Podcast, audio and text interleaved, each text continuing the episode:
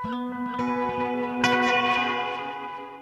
og sæl, kærlustendur við sjá heilsar miðvíkudaginn 18. mæ. Ég heiti Halla Harðardóttir. Og ég heiti Jóhannes Ólafsson. Í Vísjá í dag verður sagt frá tónleikum til heiðurs Erling Blöndal Bengtsinni og við fáum fregnir af nýkringdum mæstjörnu hafa, rínum í leiksýninguna Prinsinn og svo dettu við ofan í kanínuhólu. Já, við ætlum að detta ofan í kanínuhólu í þætti dagsins. Í bilskúri Holtonum er að finna óvænta ævintýraveröld bókaunnenda. Fordbókaveröld sem opnaði dyr sínar fyrir tveimur árum síðan og sem tekar á sig sífelt sterkara yfirbráð eiganda síns, hennar Móeðar Gerljóksdóttur. Móeður er heimsbyggingur og þýðandi sem starfar flesta daga á bókasafni en sem stopnaði þessa smágerðu ástriðu bókaverslun upp úr bókasafninu sem hún erði eftir föður sinn, Gerljók Magnússon. Við fáum okkur kaffi í kanínuhólunni hér undir lok þáttar. Í mars á þessu ári hefði dansk-íslenski selluleikarin Erling Blöndal Bengtsson orðið 90 ára. Á því tilefni halda Henrik Brendstrup selluleikari við konunglega tónlistaháskólan í Árósum og Sigurger Agnarsson sellokennari við Listaháskóla Íslands á samt sellónemendum skólanabekja tónleika til heiðurs þessum merka tónlistamanni og kennara.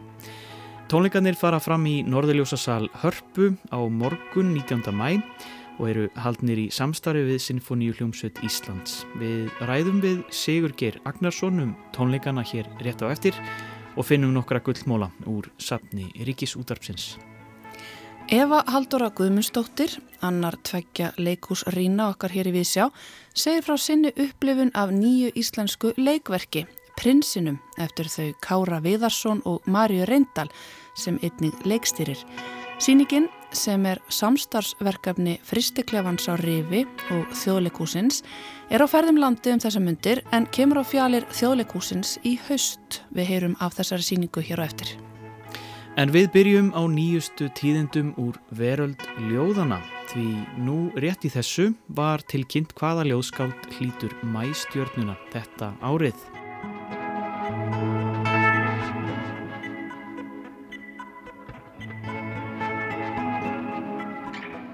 Ritthundasamband Íslands og Landsbókasafn Íslands, Háskóla bókasafn, veita árlega mæstjörnuna verðlun fyrir nýja ljóðabók. Mæstjarnan var afhengt í sjötta sinn við hátilega aðtöfn í þjóðabókluðinni, nú rétt í þessu, og mæstjörnuna fyrir ljóðabók ársins 2021 hlítur Haugur Ingvarsson fyrir bókina Menn sem elska menn. Já, í umsögn domlemdar um verlunabókina Menn sem elska menn segir Í Menn sem elska menn yrkir Haugur Ingvarsson um þunga kroppa og svif létta anda um þingdarkraft alheimsins, kærleikan sem leggur bönd á efnin og heldur sólum á brautu. Með snjöllu myndmáli skiknist skaldið um heimallan frá myrkudýpi sjávar til óravita heimingeimsins en hugleðingar um fótspor á öðrþunri skurð yfir djúpinu vekur grunn um yfirborð sem getur brostið hvenar sem er. Í ljóðunum byrtist þjættur vefur tilvísina til íslenskra bókmenta gegnum aldirnar sem vikar út merkingasvið þeirra. Áleitnistu viðfangsefnin og markvist tákn bókarinnar varða ástina, vináttuna og karlmennskuna. Skáldið hvetur okkur til að kafa í ómælistjúp orða og kenda og eiga stefnum út í anda. Menn sem elska menn er bók sem kallar á endurtekin lestur og launar þeim sem sinna því kalli ríkulega. Haugur Ingarsson laug doktorsprófi í Íslenskum bókmyndum frá Háskóla Íslands árið 2020. Hann starfaði sem dagskar á gerðamadur hér á Rás 1 frá árnu 2005, lengst af í Víðsjá. En þar fyrir utan gerði hann fjölda þátta um bókmyndir, menningu og listir. Haugur hefur sendt frá sér þrjár ljóðabækur en fyrir aðra bók sína, Vistar verur, hlautan bókmyndavelun Tómasar Guðmundssonar árið 2018. Sú bók var einnig tilnæmt til mæstjörnunar það ár. Þá hefur hann skrifað eina skáltsugu, november 1976 og fræðibækurnar Andlit strættir samtíðarinnar, síðustu skáltsugur Haldurs Lagsnes og fulltrúi þess besta í bandarískri menningu, orðspor Williams Faulkners í íslensku menningarlífi 1930 til 1960. Við hér við sjá óskum haugi innilega til hamingju með mæstjörnuna og við skulum hlýða á eitt ljóð úr bókinni sem að haugur las í útgáfuhófi bókarinnar og sem flutt var í þættunum orðum bækur fyrir árunnu. Menn sem elska menn, eitt. Mannst eftir brefinu frá Tómasi til Jónasar, þar sem hann segist vera hálf melankólskur en bætir við að þeir megi aldrei gleima hver öðrum talar um fjarlæðina melli þeirra og þunga kroppsins, talar um stefnumót í andanum yfir höf og lönd, kosmískar vittir, að þeir geti flóið upp í Júpiter eður Úranus og áður hann hveður kallar hann Jónas elskuna sína, segir ég er þinn, mannstu eftir þessu brefi. 2. Ég elska menn sem elska menn sem elska menn sem elska, menn sem elska að elska menn sem elska menn elska. Þrjú. Kaupmannahöfn í oktoberljók 1831, blöyt og köld. Innan múranna allt þetta fólk og þessi dýr og þessi lykt, opinn klóög, rennusteinar hálir af skít sem flóur um strætin, Rótin dí, síkin fúl og ljósmetið, ilmandi lísi úr kval eða hákarl. Frá þessum stað horfir Tómas á stjörnu út um opin glugg og hugsa til vinar sem liggur bak við kámuðan skjá í húsi við einustu götu reykja víkur, vafin í sæng upp á lofti og skelfur, andar sem unnast og hvernig ætlið það verið að ösla fórug stræti í vondum skóm, hefði ekki verið næra að sigla og gondól eftir lækjar götu, dóla sér undir söngræðarans, nei, músík var ekki til í þessu plássi. Fjögur. Hefur hort í svört augu grænlandshákals. Í þeim logar döf glóð geyslakólefnis. Brennur djúft í yðrum hafsins glóð í 400 ár í köldu hafi, glóð, eins og stjarnar djúft á himni, ástæra, þólinnmóð, takmarkulegs og langlind, með uppreistan ugga á baki, áfram, áfram í áttlösu hafi, þannig frá ljósi til ljós, í hildjúbu myrkri er ástæra, er ást mín til þín, vinur minn, því við lifum með við hreyfumst í efni eða anda, í þessu hafi eða öðru ást mín til þín. Haugur Ingvarsson, nýr handhafi mæstjörnunar fyrir ljóðabókina Menn sem elska menn, flutti hér samnemt ljóð úr bókinni. En þá að tónlist. Selvoleikarin Erling Blöndal Bengtsson hefði orðið 90 ára í mars síðastliðnum og af því tilefni verða haldnir heiðurs tónleikar í Norðurljósasal Hörpu annað kvöld. Sigurgeir Agnarsson, selvoleikari og kennari við Listaháskóla Íslands, hitti mig fyrir í dag og sagði mér allt um tónleikana og mannin sem heiðraður verður. En byrjum á því að fara svo litið aftur í tíman og grípum niður í sapni Ríkisútarpsins. Þegar við höfum heilt listamann eins og Elling Blöndal Bengtsson leikabæk, þá er eðlilegt að sumum okkar sem dólum stundum á hljóðfæri okkur til hugarhæðar falli allur ketill í eld. Ég ætti manna best að kannast við þá tilfinningu. Það ber stundum við að til mín koma mestu tónsnillingar heimsins og taka upp hljóðfæri sín í stofuminni og, og fara að leika. Ég hef stundum verið eins og vangaður, svo sem viku tíma á eftir, því leikur þeirra hefur haldið áfram að óma fyrir eirum mér. En þá færi nú verð, en maður gæti upp frá þessu ekki hlustað á aðra tónlist en þá sem leikin væri af stórsnillingum. Það væri erfitt að lífa yfirleitt í þessum heimi ef maður sannfærðist um það einhvern dag að ekki veri hægt að samneita öðru fólki en sénjum, helst mestu sénjum heimsins. Sem betur fer nærmaður sér aftur eftir góða tónlist. Einhverjir sem eru kunnugir þessum selló samstæðum Bachs í flutningi annars sellósnillings sem löngum var vant að telja höfuð meistara þessa hljóðfæris Pablo Casals. Þeir munu segja að reynslu fullt alvöru djúb hins alna meistara sé skilirði réttrast húlkunar á þessum samstæðum. Nú, þegar við heyrum þetta verk leikið af snillingi úr annari átt sem hefur numið þessa tóna við ólík skilirði og kringumstæður, þá skilst best hver samanburður ólíkra meistara er mikil fjartæða. Jafnvel í sama verki. Aug þess sem slíkur samanburður er óþarfur. Það er engin ástæða til að endur skoða afstöðu sína til þess meistara Kasals sem upplaug þessu verki fyrir okkur á sínum tíma heldur fagnum við hjá Erlingi Blöndal nýjum og ólíkum eðlistáttum í tólkun. Við töfrumst umfram allt af þeim hjartnæma æskuljóma sem lýsir af flutningi Erlings Blöndals.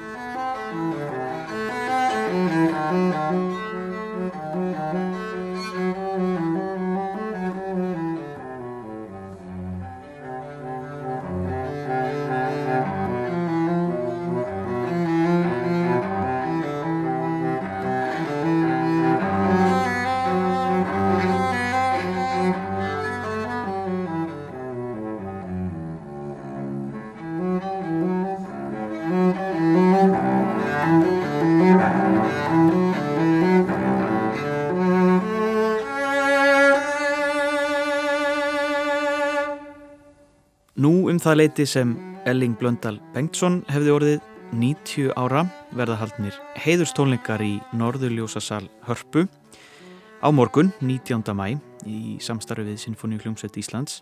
Sigur Ger Agnarsson er eitt þeirra sem kemur að tónleikahaldinu. Verðu velkomin í Vísjá Takk hjá Íslendingar eiga auðvitað mjög mikið í honum Erling um, og, en á þessum tónleikum ætli þið að leiða saman danska og íslenska tónlistamenn Mikið rétt. Uh, Segð mér hans frá þessum tónlingum og, og þessu tónlistafólki sem kemur, kemur þarna fram. Hugmyndir af þessum tónlingum kemur frá Henrik Brennstrup sem er dansku sérluleikari og fyrrum nefandi Erlings. Hann hafði samband við mig rétt fyrir jól með þessa hugmynd að, að koma til Íslands með sellobekkin sinn og halda í samstarfi við Listaáskóla Íslands, mm. tónleika í, í hörpu til þess að minnast þess að Erling hefði orðið nýraður í marsíðastlunum og hérna hann hafði ámóta tónleika með sínu nefndum þegar Erling var áttræður en þá bara í, í Damörku en núna langaði hann svo að koma til Íslands út af þessari náttúrulega tengingu sem Erling hafði við Ísland mm. ég held að það er svona mín tilfinning þó að ég hef nú ekki þekkt Erling mikið persónulega hitt að nokkur sinnum að Ísland átti kannski stærri hlut í honum en maður átti að segja á Já. hann náttúrulega kom yngar reglulega í tíu ára og uh, svo þegar fyrirlin var svona við það að klárast að þá gefur hann list, bókasafnir Listaháskóla Íslands allt bókasafnir sitt, hann, hann gefur tónlistafnir Íslands mikið af, af gripum og, og fyrsta sérlóðu sem hann spilaði á sem hann smíðaði fyrir hann, hann gefur það hingað. Mm. þannig að ég held að, að hann römmur þessi taug sem tengda við Ísland. Já, og við síndum það strax 1977 með því að reysa á honum stittu sem að stóð lengst af á Hagatorki þar sem að Sinfoníuljónsettin spilaði lengi í Háskóla Bjó Vissulega. og síðan var hann uh, flutt til niður, niður á hörpu. Um, en þarna, þarna var bara þarna var maður í blóma lífsins uh, og, og, og komin stitta af honum. Þannig að við einhvern veginn bara strax upphöð, höfðum hann þarna 1977 já, þetta kannski þegar maður horfður á þetta núna þá kannski má segja þetta sé kannski eitthvað einkennlegt en vissulega þessi stitta var reist þarna á 8. áratögnum það er líka bara í blóma lífsins og, og hátindi svona kannski fræða sinna má segja Já. og svo eftir að symfónían flyttunir í hörpu og, og náttúrulega helsti samstarfsaðali kannski Erlings á Ísland ég ekki með allir þess að ár maður segja að það hefði verið symfónlust Íslands því hann kom fram sem einlingari með henni tugunskiptir mm. og þá uh, fannst mörgum kannski tímaskekkja að stittan stæði þannig fyrir utan háskóla bíó þannig að hún var flutt uh, fyrir samanhörpu og þar sómur hún sér mjög vel en hann hafði svo marga tengingar Erling til dæmis uh, sem margir ekki vit er að, að það voru íslenskir aðilar tengdi tónlistafélagin í Reykjavík sem til dæmis uh, uh, styrtu hann til náms í bandaríkjum á sínum tíma upp úr segni heimstyrjöld Mm. þannig að hann átti Íslandi margt að þakka, ekki einungis þessi ættarbói sem hann hafði hér, mammas íslensk heldur líka bara heila að hann komst út til bandaríkjana læra á sínum tíma. Þannig að, að Ísland spilaði stóra rullu í hans lífi. Hvernig, já þú hittir hann uh, hvernig, svona, hvernig maður var hann í Já, ég hitt hann okkur sinnum. Fyrsta skiptið nú að mörguleiti kannski minnistæðist þá var ég uh, kannski 12 ára 13 ára, var þá læra hjá Gunnari Kvaran og þetta var nú fyrir tíma YouTube og svona og, ge og geisladiska nánast. Og ég átti lengar upptökur af selvoverkum en, en Gunnar sagði við mig að, að það var að koma sem maður. Uh, og við myndum alltaf tónleika í hérna í Norrannúsinu og ég er þyrst að mæta og sjálfsög mætti ég, ég var mjög hlýðin nefandi og þar spilaði Elling manni meðal annars hérna Kodai solosvondina og ég hafði bara aldrei heyrt annað eins. Ég vissi bara ekki að þetta væri hægt að spila svona solo Mm. þannig að 11-12 ára. Þetta var alveg stórkoslu upplöfun og því lík svona maður var bara fyrir hughrifum hana á þessum tónlingum og svo eftir tónlingana þá kynnti Elling mig nei, kynnti Gunnar mig fyrir Elling og, og sagði að, að þetta væri rauninu svona afið minn sérlulega séð því að, því að. Gunnar náttúrulega lærði hjá Elling og var aðstofkennir hans í mörg ár Akkurat En svo í seinni tíð þá kom Elling, ég kom til starfa hjá Sjónlust Íslands 2003 og, og náði því að hann kom tvisað þrjusar og spilaði sóló með symfóníunni og held hér uh, masterklassa þannig að ég svona hitta nokkur sinnum en hafði nú kannski ekki mikið svona persónlega um að segja. mm. En hvernig, hvernig tónlistamæður var hann?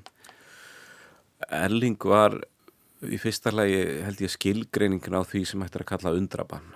Hann byrjar að læra á sel og þryggjára, hann kemur fyrst fram fjögur ára, ofinbegla á tónlingum held ég. Hann kemur fram tíu ára einleikari með hljómsveit og, og það er allt eftir þessu. Íslendingar fóru snemma fylgjast með Erling. Árið 1936 segi morgublaði frá fjögur ára snillingi af íslenskum ættum í Kaupanahöfn. Hann hefði leikið á barnahljómleikum og heilla alla er tilheriðu. Tveimur árum síðar, eða í februar 1938, byrtir söngmálablaði heimir endursögn af umsögn politíkan um þessa tónleika en þar segir meðal annars.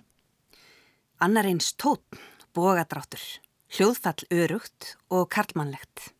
þessi náðargáa sem hann hafði á hljóðfærið bara teknist og músikalst er hafa mjög fáir Mm.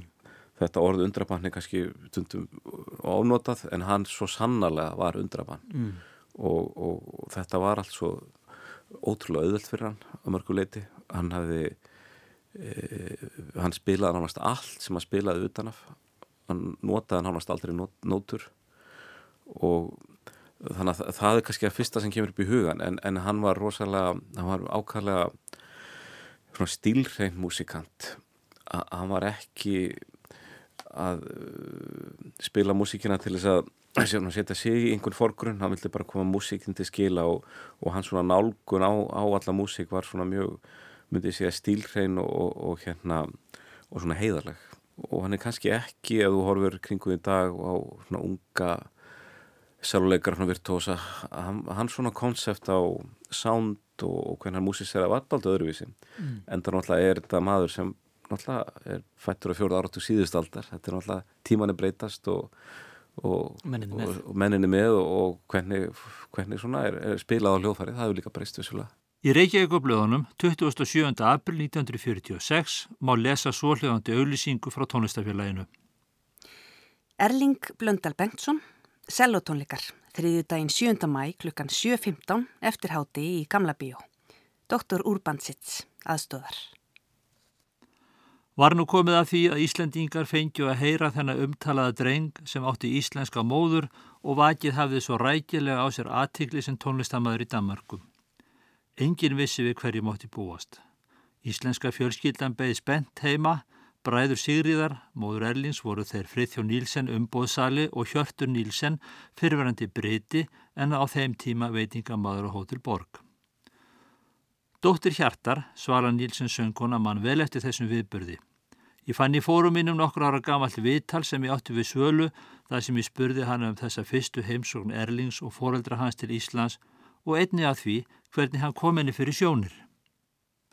Já, það var nú eftirmiðlilegt því það var á fermingadagi minn 27. april 1946 og það var stór dagur í lífi mín og einnig stór dagur í lífi þeirra því að þetta er í fyrsta skipti sem ég sé móðin hans Sigriði Sjálflótti þú komaðan eftir stríð og hafði verið mikla hörmungar í Danmark eftir stríðið og þau komið með esjunni og, og hérna gistu á Hótelborg pappi var þá veitingastjóriðar og lendi í þessari fínu veistlu sem var haldin Hótelborg matarveistlu á Hótelborg og það var bara mjög, sko ég gleymi því aldrei. Ég var voðalega feimin af því að Ég talaði nú ekki mikið dönsku þá, þá, ég, þá hún væri svona hæg heimatökki fyrir mig að því ég læriði dönsku í landakoti tíu ára.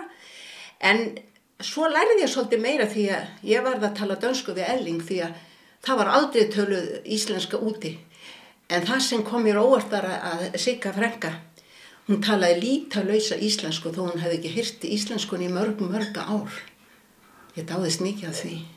En hans svona arfleið í, í íslenskri tónlistasögu við, við, eh, við minnumst hans svona mjög reglulega og, og höldum á lofti og strax bara hérna á 8. áratögnum þá vorum við farin að hérna, reysa á húnum stittu og, og svona. Þannig að sko hvernig minnast Íslendingar eh, Erlings? Ég held að þeir minnist hans sem svona kannski fulltrú okkar á þessu stóra alþjóðlega sviði sem hann var stór svona stór rulla í. Og þannig áttum við uh, eh, hinsfræðin einleikara sem var, var hérna ferast út um allan heim og spila út um allt. En líka þessi maður sem helt triðu Ísland kom hinga reglulega. Í gamla dag var þetta náttúrulega var ofta að fara til bandaríkjana og þá náttúrulega láta svo vel við að stoppa henn og spila nokkra baksvítur eða svona. Einmitt en svo líka minnustu held ég Erling sem, eh, sem hefur skipt kannski líka okkur miklu máli er bara að hann var eh, mikil kennari og hann var með íslenska nefnendur og þá náttúrulega sérstaklega Gunnar Kvaran og Gunnar Kvaran kemur svo heim og, og, og kennir svona eh, megnun af íslenskum seljaustum næstu 20, 30, 40 árin hérna heima. Þannig að hann svona óbeint hafði mikil áhrif á íslensk tónlistarlíf og, og náttúrulega sérstaklega íslenska sölleikara Já, akkurat. Og væri hann á lífið þá hefði hann að öllu líkitum tekið þátt á þessum tónleikum og fagnað sínu einn amali að sjálfsögðu með, með, með tónlist og, og, og komið fram á tónleikum segð mér aðeins hvað, hvað ætlaði að spila honum til heiðurs? Þarna? Já, við ætlum að spila, þetta verið fjölbreytt að skrá og það verið að koma bara selvo fram fyrir utan í tveimur verkum þá ætlur hún Eva Þýri Hilmarsdóttir píónleikar að spila með okkur mm. og þetta verður mjög fjölbreytt sumverkin eru uppala samin fyrir svona sell og kór eða svo má segja mm. en önnu verk eru í útsendingum það er til dæmis tangoar og, og, og fleiri verk og uh, svo verður við líka með smá amalisöng fyrir elling. Þannig að raunni efnistökinu verða mjög fjölbreytt og þetta verður nú svona bara á svona á léttu nótunum þannig og, og sem sagt og nefndur frá Áró sem spila þannig og nefndur úr listafaskólinum og svo uh, Henrik Brennstrúp uh, seloprófsson frá Árósum, hann verður með svona smá vídeoinslög þar sem við sjáum Elling leika og svona mm. myndir á honum. Og Gunnar Kvaran og Guðni Guðmundsdóttir Eh, Gunnar náttúrulega við erum búin að koma inn á náttúrulega uh, þekkir Elling mjög vel frá fyrir tíð og Guðni Guðmundsdóttir fyrir um konstmestar Sjónflustur Íslands, hún starfaði náttúrulega mjög náðu með Elling mm. og þau ætla að koma þannig og, og ræða óformulega við Henrik aðeins um kannski æfi og störf Ellings og þá kannski væntarlega svona hans tengingu við Ísland. Já, akkurat. Og þegar mest lætur verða 19 selvoleikarar, 18 fyrir ekki selvoleikarar á söðunum, þannig að þetta verður allmyndalur hópur hún og uh, þið haldið minningu Ellingsblöndal á, á lofti. Við uh, segjum þetta kannski bara gott. Við, hérna, þið eru vantilega að æfa á fullu fyrir, fyrir tónleikana, hann að kvöld Já, það er búin að vera stífur æfingar síðan á mándag og hérna, ég er bara leðin upp í listáskólu núna að halda áfram að æfa. Já, ég ætla bara að hleypa þér út í daginn. Takk kærlega fyrir spjallið og, og, og gangi ykkur vel á tónleikonum Takk sem leðis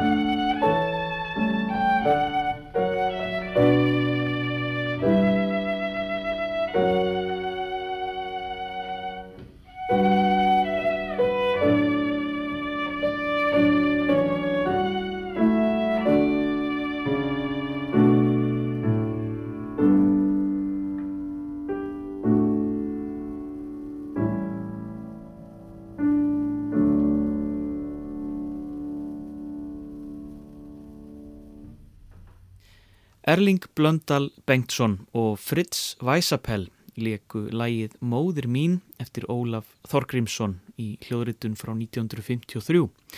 Þar áður var rætt við Sigurger Agnarsson, seljuleikara um Erling og tónleika sem verða honum til heiðurs annað kvöld í hörpu klukkan átta.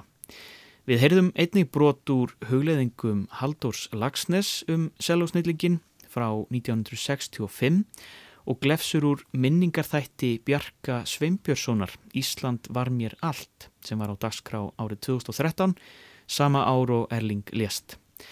Og það kom ekki fram hér áðan en skal teki fram hér að stittan umræta af Erling Blöndal sem stendur fyrir utan hörpu er eftir listakonuna Ólöfu Pálsdóttur. Já, og úr tónlistinni förum við yfir í leikúsið Fyrir ekki svo löngu var frumsýnt nýtt Íslandst leikverk í fristekljónum á Rifi í samstarfi þjóðleikúsið. Verkið kallast Prinsinn og er nú á ferðum landið en verður svo sett á svið í þjóðleikúsinu í haust. Eva Haldóra Guðmustóttir fór á Prinsinn.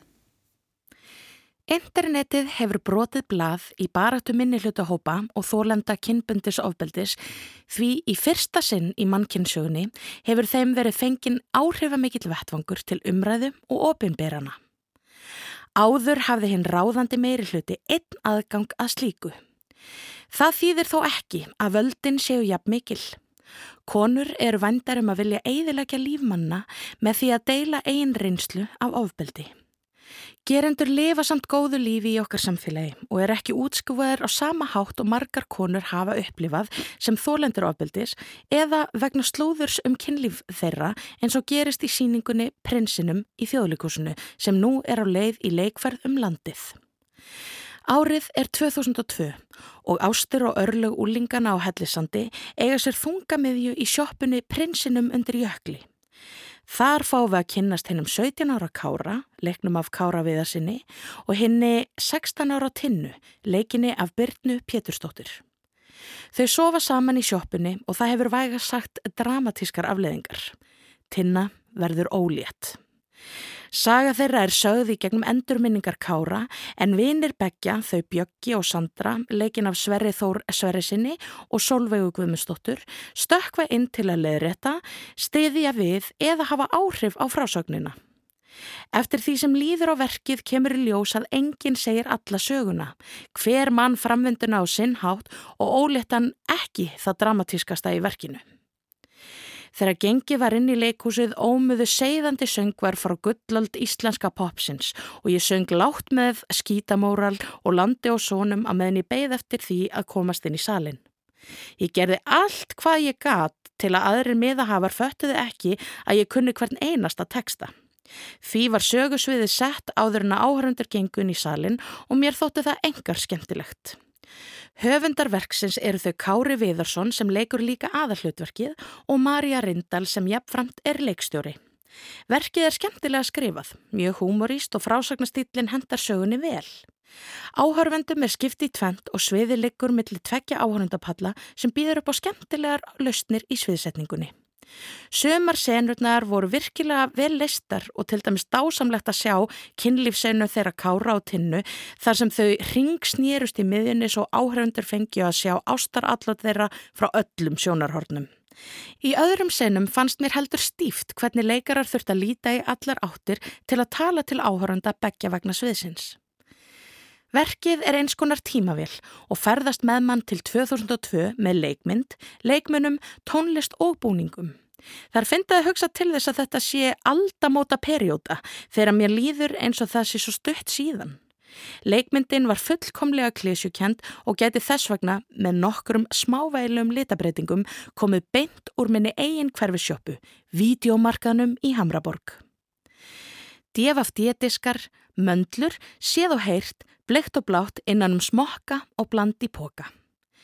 Leikararnir stóðu sem er príði þótt bæta hefði mátt takt og snerpu í sumum senum.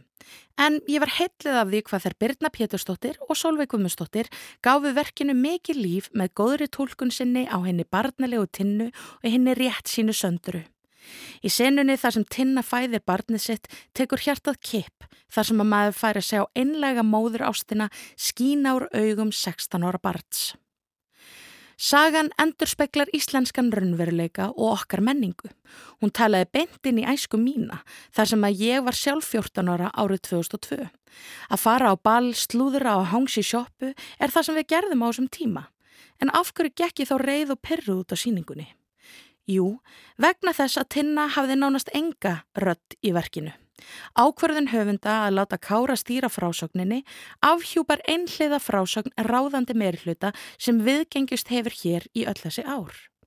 Með þessu myndiðu mig á úlingaslúðri sem ég tók virkan þátt í og enkendi veruleika íslenskar kvenna á þessum tíma. Ég man eftir smjattinu sem fór ring eftir ring um stelpur sem voguðu sér að verða óléttar, stunda kynlíf og voru ekki nægilega sjálfsörugar. Stelpurnar sem fór ekki frá fávita kærastanum og gaf honum of oft sjans eða þegar þær voru of harkalegar og gátt ekki séð að þetta voru nú bara mistök. Allt slúðrið og púðrið fór ég að dæma stelpuna harkalega fyrir hvert einasta skref sem hún tók í stað þess að velta upp möguleikunum að kannski eftir strákurinn að bera einhverja ábyrð í þessum málum. Öll vopn beindust að stúlkunni og strákurinn fekk að stýra narratífinni eins og honum hendaði. Kannski er þetta ekki algilt en þetta var mín upplifun. Sýningin afhjúpar marglaga enkenni útilókuna menningar. Að hún snúist ekki engungu um konur sem velja útiloka karlmenn heldur hefur lengi verið við líði að útiloka á grundvelli hegðunar sem á einhvern hátt er ekki samþygt. Og lengst af hafa konur mun fremur en hvítir karlmenn búið við slíka útilokun. Í verkinu Prinsinn vilja höfundar leggja áherslu á hættu einhliða frásagnar sem litar marglitan veruleika okkar svartkvítan. Hún sínir okkur að allir hagraða sannleikunum fyrir eigin hagsmunni vegna þess hversu erfitt er að fá raunverulegan skilning og samkjönd þegar þú telst ekki til ráðandi meirihluta. Ég er ánægð að þessi síning fer á flakkum landið því hún er einföld, létt og skemmtileg en jafnframt með mikilvæg skilaboð og hrærir vel upp í tilfinningum áhorfanda sagði Eva Haldóra Guðmundsdóttir um Prinsinn, nýtt íslenskt leikverk eftir Kára Viðarsson og Marju Reyndal.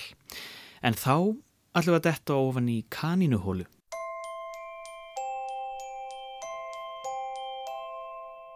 Við sjáum komin á stúfana.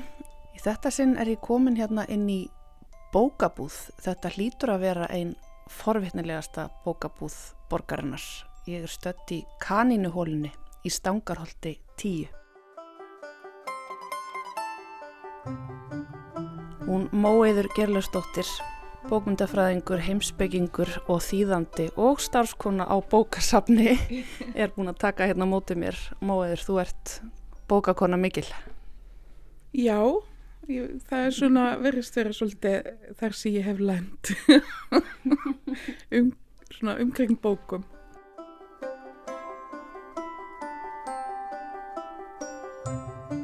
það var þannig að já, ég svona fekk kannski hugmyndin af henni þegar ég fó, var í bókabúð í Bristol og þetta er eitthvað eiginlega fín bókabúð og það er bara allt saman er svona, hvað ég segja, sérvaldar bækur og allt bara fullt af góðum bókum og áláguverði og hérna. Og ég ekkert neginn varð svolítið svona ástofngin af þessari bókabúð.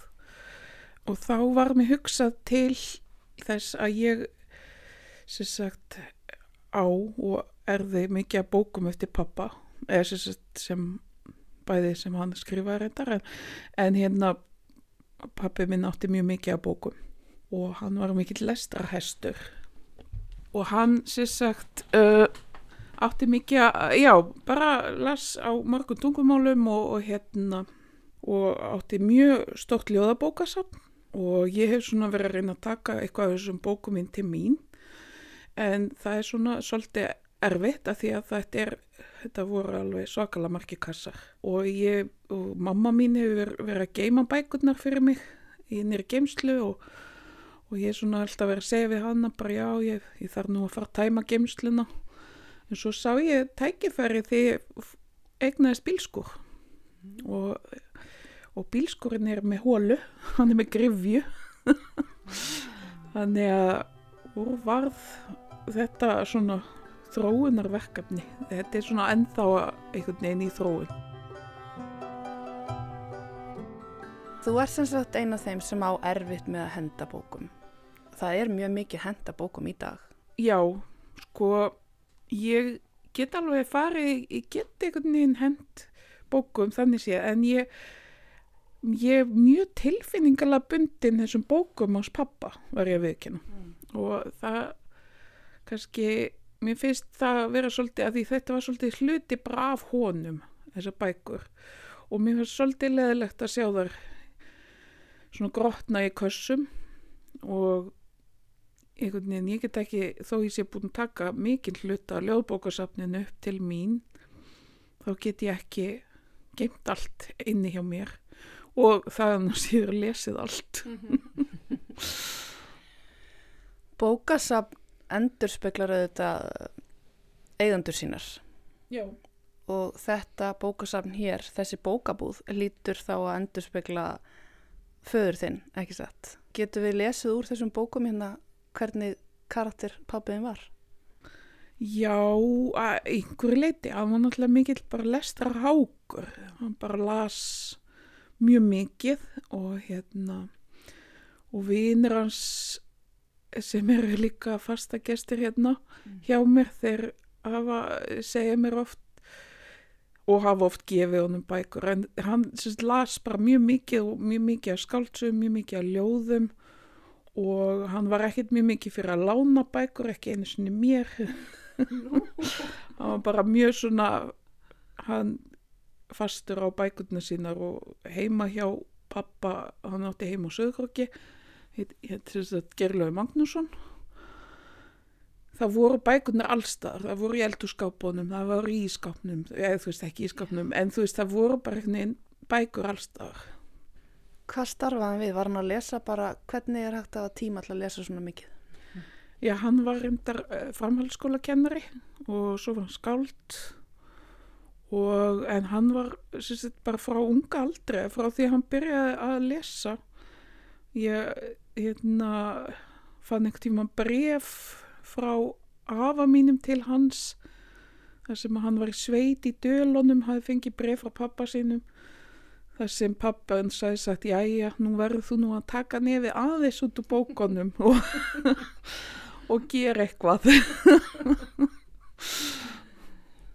Og hvað er hér að finna? Ég hérna í fljótubræði sé einmitt uh, þetta er alveg ótrúlega fjölbreyttur höfundar, það er hérna sögubækur, skaldsögur, ljóðabækur, myndlistabækur íslenska bækur, útlenska bækur. Þetta er, það er bara hægt að finna allt hér. Já, sko við erum sittum hérna, rétt hjá okkur er franska hotnið eins og ég kalla.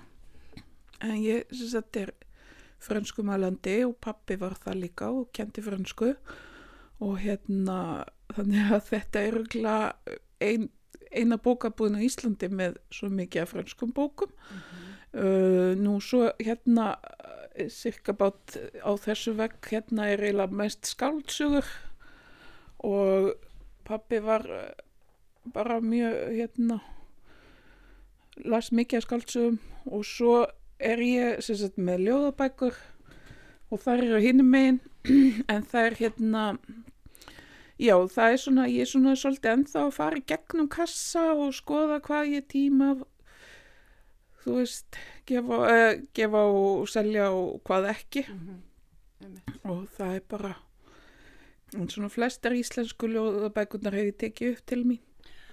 Ljóðabækur eru þetta þess aðlis að það er alltaf eftir að grípi í þar aftur og aftur og aftur og það er svona, það er bækur sem er erfitt að gefa frá sér. Já, emmitt, það, það getur verið það. Og hann hérna pappi átti mjög mikið og gott ljóðbókasat bæði af á íslensku sér sagt og svo á ennsku mikið. Og hann las hérna og þýtti mér sér úr pólsku ljóð, pólskljóð þannig að ég hef náttúrulega verið að finna af pólskuljóðabókum og hérna þísku og rúsnesku þannig að já Já Ég ætla að velja hérna af handahófi, ég sé hérna eina fallega mjög góða bók ég veit að þú grýpur stundum í bækur og hérna les ljóð hérna af handahófi kannski best að benda hlustendum á það að þú ert líka með Kaninhólinn er á Facebook og það er hægt að fylgjast með. Já, og hún er líka á Instagram. Mm -hmm. Segð okkur frá bókinni sem ég valdi hérna á handahófi. Já, er, þetta er bók sem að, já, sem sagt í tveimur eindökum eða pappi átti og þess vegna er þessi hérna, hún heitir Kindilmessa eftir Vilborgu Dagbjarts og er bara, held ég, sæmulega verðmætt bók, myndi ég halda. Um, já, og á ég að lesa ljóður henni. Er það ekki bara, viltu velja eitt? Á fermingardegi sýstur minnar blómstræði snædrottningin. Auðvitað hafði mamma undirbúið þetta eins og hún mögulega gatt. Hún vögvaði rósina á hverjum degi og hagrætti henni í glugganum með hún baðana með fögrum orðum að gera núna þetta lítilræði fyrir sig fyrst svona stæði á. Þú talaður um hérna áðan að vinnir föðurins kemjörn hérna og væri hálgeri fastakúnar. Hverju koma hérna í bókabúðuna fleiri? Um, sko, það verður að segja þessu er að þeir sem er að halda bókinni lífandi eru svona menn á góðum aldrei. okay. það er regla stæsti kúnahópurinn minn en svo er þetta svona kannski fólkið svolítið í kringum mig. Þetta er náttúrulega búið að gera svolítið hægt líka hjá mér. Og eins og ég segi vinnur ás pappa, Óskar Átni og, og Gerðir hafa komið hérna. Og ég segi mér finnst svolítið notalegt til þess að hugsa að þeir sé að kaupa aftur bækuna en mér finnst bara mjög gott að bókinn sem þetta haldi áfram fari einhvert annað og, og einhver njótanir og hún sé ekki, ekki einhver stærri kassa. Mm -hmm. Maður heyrir nær daglega sögur af fólki sem vil losa sig við bækur og reynir að koma um einhvert í ekki að dendla verð, einmitt heldur bara að einhver fá að lesa þar áfram en, en það er bara heilu bílförmónum hent af bókum í dag. Já, einmitt. Uh, ég fæ mjög mikið fólk er alltaf voða ánægt með þetta framtækmikað, svo fyrst segir fólk ég þarf einmitt að losa mig við svo mikið af bókum. Og það er kannski ekki alveg það sem ég, ég get kannski ekki endalust tekið við og, og ég er ekkert endilega að taka við bókum af því að það er, það er nóg að taka hér. En hérna já það, þetta er svolítið svona ég er al, samt er ég svona svolítið vissum að þetta komi aftur eins og vinilplatan fara aftur í tísku þetta auðvitað fer sem er kannski skrítið að bókin fer og kemur í, í tískubilgjum en hérna þegar maður ferir mitt yfir eins og þú bendur mér á í náðan yfir fastegnarlusingar þá sér maður að það eru ekki bækur inn á heimilum í dag svona almennt. Nei, það er svolítið svona tómt af bókum. Mm -hmm. tómarillur múndi kemur þetta bara aftur. Og verður aftur í tísku að vera með allan haldur kiljan og, og svona og fólk svona, þetta var svona okkur svona statussymbol. Gamla daga bara, já, þessi á Íslandingasöðunar, já, það er eitthvað viti í þessum þannig að það er kannski vant á svolítið núna.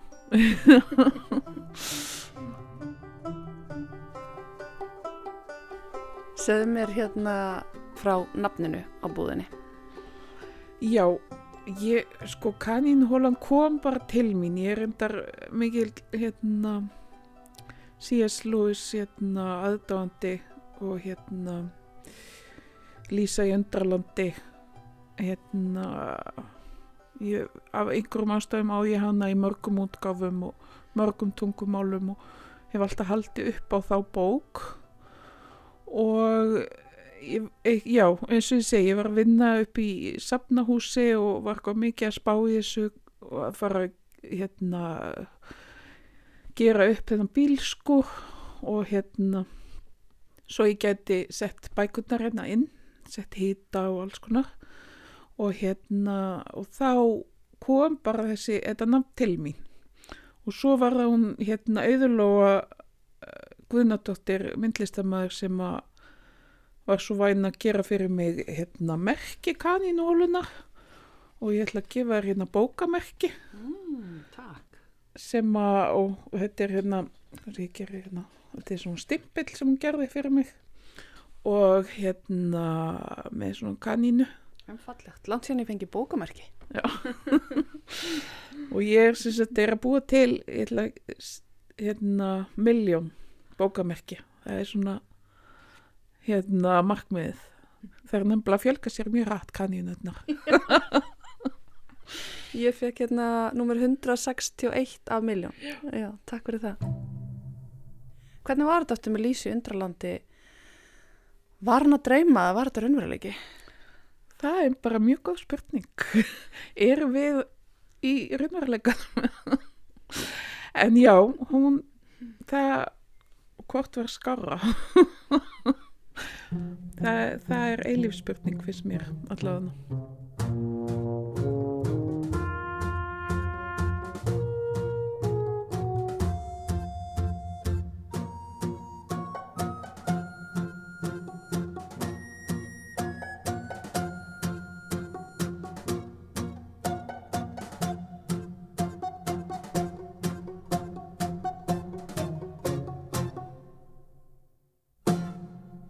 Og hér ætlum við að setja lokapunktin við vísja í dag ofan í kanínuhólinni hjá Móiði Gerljósdóttur.